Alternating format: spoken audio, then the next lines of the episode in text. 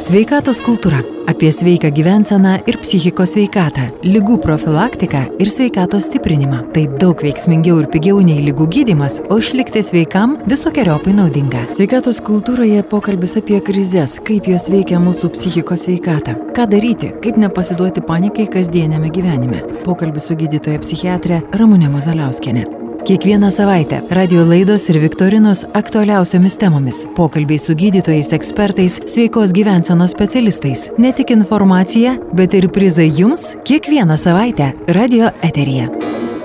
Kaip krizės veikia psichikos sveikatą? Kaip su jomis tvarkytis? Ką daryti? Kada patirime paniką, o kada tiesiog baimę? Kas tai yra? Pokalbis su gydytoja psichiatrė, psichoterapeutė Lietuvos sveikatos mokslų universiteto Kauno ligoninės psichiatrijos klinikos vadove Ramonė Mazaliauskenė krizinių neįprastų situacijų pastaraisiais metais, o kartu ir tų iššūkių mūsų psichikai pastarėjai dviejai, dviejai metai atnešė iš tikrųjų itin daug. Pandemija, karantinas, galiausiai karas, karo pabėgėliai Lietuvoje. Negalim gal lyginti su žmonėms savo akimis mačiusiais karą, bet reakcijų ir Lietuvoje tikrai, manau, buvo labai įvairių ir žmonėms sukelti jausmai, ypatingai pradžioje metų. Tai buvo, na, tikrai tokie ne, nepažįstami, nepatirti ir tos situacijos tokios, kurių tu nepažįstai, dažnai kelia nerimą. Tad iš tiesų, kaip ir kiek stipriai štai tokios išorinės, nuo mūsų nepriklausančios krizės veikia mūsų psichikos sveikatą? Na turbūt e, atsakymas yra savaime aiškus. Aišku, neigiamai veikia mūsų psichikos sveikatą ir čia turbūt yra keletas labai tokių svarbių faktorių. Tai vienas faktorius, aišku, yra kad pats įvykis yra be galo bauginantis, jis yra kupinas, nu, tokios, nu, tai yra neigiama žinutė, karas, pandemija, įvairūs tokie dalykai, jie yra iš tikrųjų savyje turi tą potencialą bauginti. Kitas dalykas yra nekontroliuojami. Tai vėlgi mes labai vakarų kultūroje esam linkę sukontroliuoti savo gyvenimą kartais iki smulkmenų. Tai yra, žinau ne tik, ką aš veiksiu vakare, bet ir ką aš veiksiu už savaitės, už mėnesio, gal ir už metų tuo pačiu metu. Ir sakysim, tokių įvykių atsiradimas, jisai tarsi tau pasako, kad yra dalykų, kur tu negali sukontroliuoti. Jie vyksta nepriklausomai nuo tavo valios, tu negali jiems turėti praktiškai jokios įtakos. Ir vėlgi tai tikrai labai stipriai didina nerimą. Na, o kitas dalykas, ko gero, dar yra labai svarbu, kad e, bent jau Ukrainos visas šitas karas Ukrainoje, na, jis yra labai arti. Ir, ir tokiu atveju daugelį žmonių tai yra tiesioginės grėsmės pajutimas. Taip, taip. Ir iš tiesų, kai tu pagalvoji, kas gali būti toliau, aš pati iš tikrųjų ir save pamenu, kai, e, sakykime, turi užaugusius vaikus, sūnus, tau tai baisu, vėliau jau tu susipažįsti, sakykime, matai, kaip reaguoja, matai tarptautinės situacijas, matai visą kitą, bet, bet ta pradžia jinai labai labai sudėtinga. Ar pajutėt, vat, specialistai, e, psichiatrai, kaip jūs, ar susidūrėt tiesiogiai, kokia reakcija buvo žmonių? Iš tikrųjų, žmonių reakcija buvo labai skirtinga, bet jeigu taip apibendrintai pasakyti, tai nerimo, tokių neigiamų emocijų lygis tikrai buvo labai stipriai padidėjęs, o toliau reakcijų buvo labai įvairių, buvo žmonių, kurie iš tikrųjų reagavo praktiškai panikos būsena, e, kai kurie ganėtinai karštlygiškai puolė rinktis daiktus, tikrai buvo ir tokių mano pacientų, na, o kai kurie, sakyčiau, labai praktiškai sureagavo į situaciją. Vienas iš mano pacientų sakė, taip, daktarė, išrašykit, sako, vaistų man truputėlį ilgesniam laikui, jeigu prasidės karas, kur aš jūs rasiu. Čia turbūt pati geriausia reakcija. Aš sakyčiau, tai buvo praktinė, blai, ganėtinai blaivi reakcija į situaciją, nes dauguma tikrai reagavo paniką, nerimo, labai didelėm stipriom neigiamom emocijom.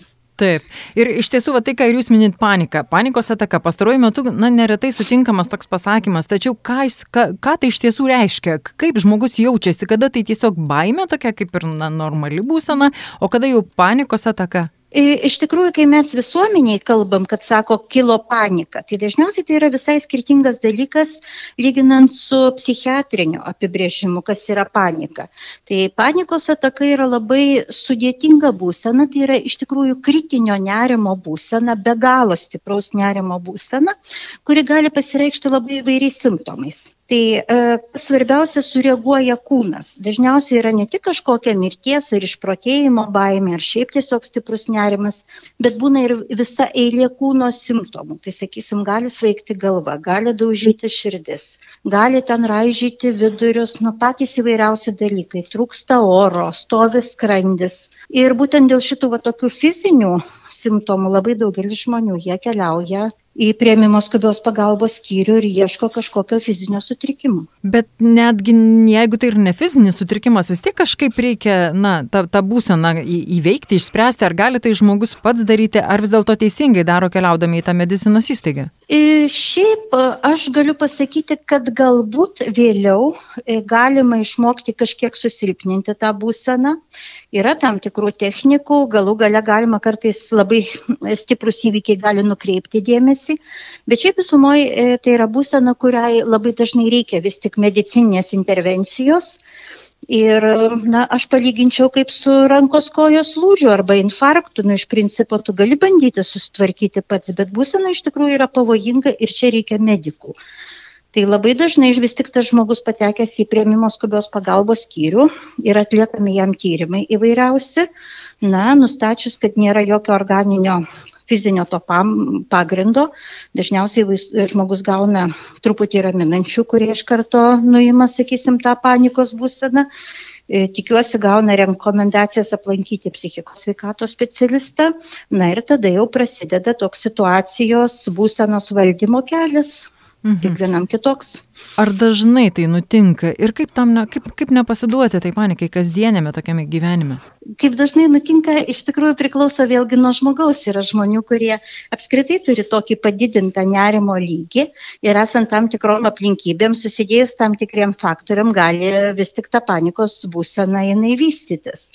Dabar kaip nepasiduot, na, turbūt reikėtų gal jeigu jau jinai vystosi, iš tikrųjų ją ganėtinai sunku ignoruoti ir kažkaip e, pakeisti.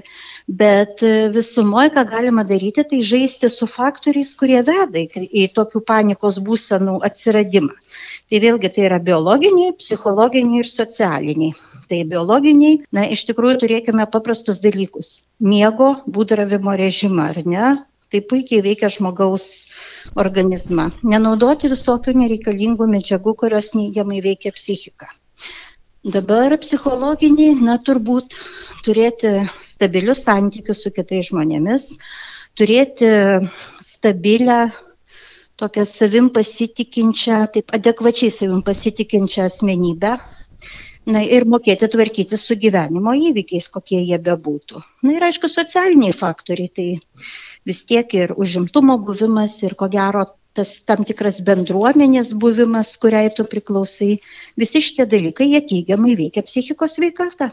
Ir tai būtų tokia prevencija to, kad atsirastų panikos atakos. Apskritai, tarp žmonių turbūt lengviau pakelti tas būsenas ir susitvarkyti ir, ir galbūt ar patarimas, ar tiesiog buvimas šalia jau yra pagalba. Ir tiems žmonėms, kuriems reikia kitų žmonių, ir kurie tikrai turi tokį stiprų bendruomeniškumo jausmą, taip, tai yra pagalba, bet tikrai ne visiems veikia tos pačios pagalbos priemonės. Sakysim, kiekvienas žmogus yra kitoks.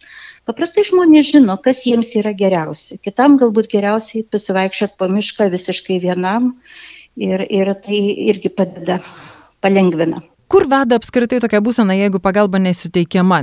Na, paprastai tie fiziniai, ar ne? Ar tie fiziniai pojūčiai, kurie kaip ir lyg ir nėra tikri ir kuriems lyg ir nėra pagrindo, ar jie gali, na, tapti tikrais, ar, ar tai vis dėlto tiesiog praeis, palaukti ir praeis? Na, aš pacientus visą laiką raminu, kad nuo panikos atakos niekas nemiršta.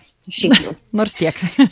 jo, bet tai, iš tikrųjų, kas labai svarbu turbūt suvokti visiems, e, nors visi, kaip, kaip jūs pasakėt, nėra tikri.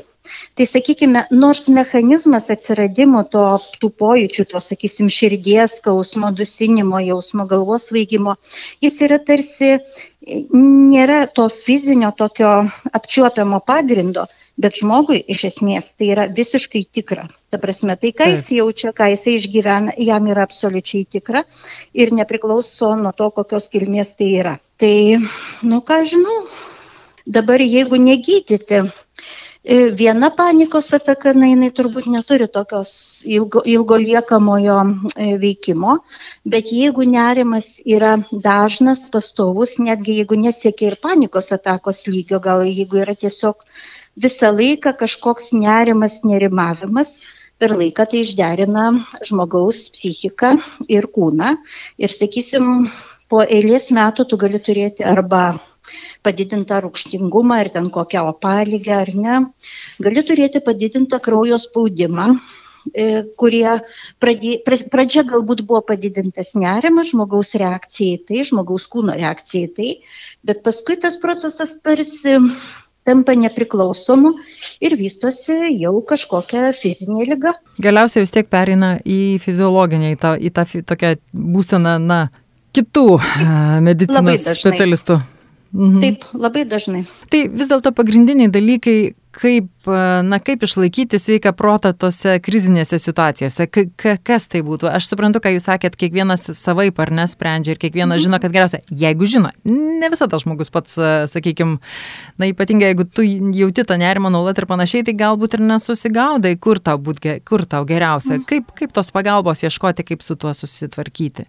Nu, turbūt e, reikia turėti ko gero kažkokį užimtumą, kuris tave gelbsti, nes vis tiek pasinėrimas į kažkokią veiklą, jisai nu, nu, nukreipia mintis nuo galbūt kitokių antrailių dalykų. Tai reiškia veikla. Toliau turbūt reikia pagalvoti apie tai, koks, koks tavo organizmas turi būti, toks organizmas, kuris susitvarkytų su įvairiais iššūkiais. Tai tokiu atveju labai paprasti dalykai - režimas.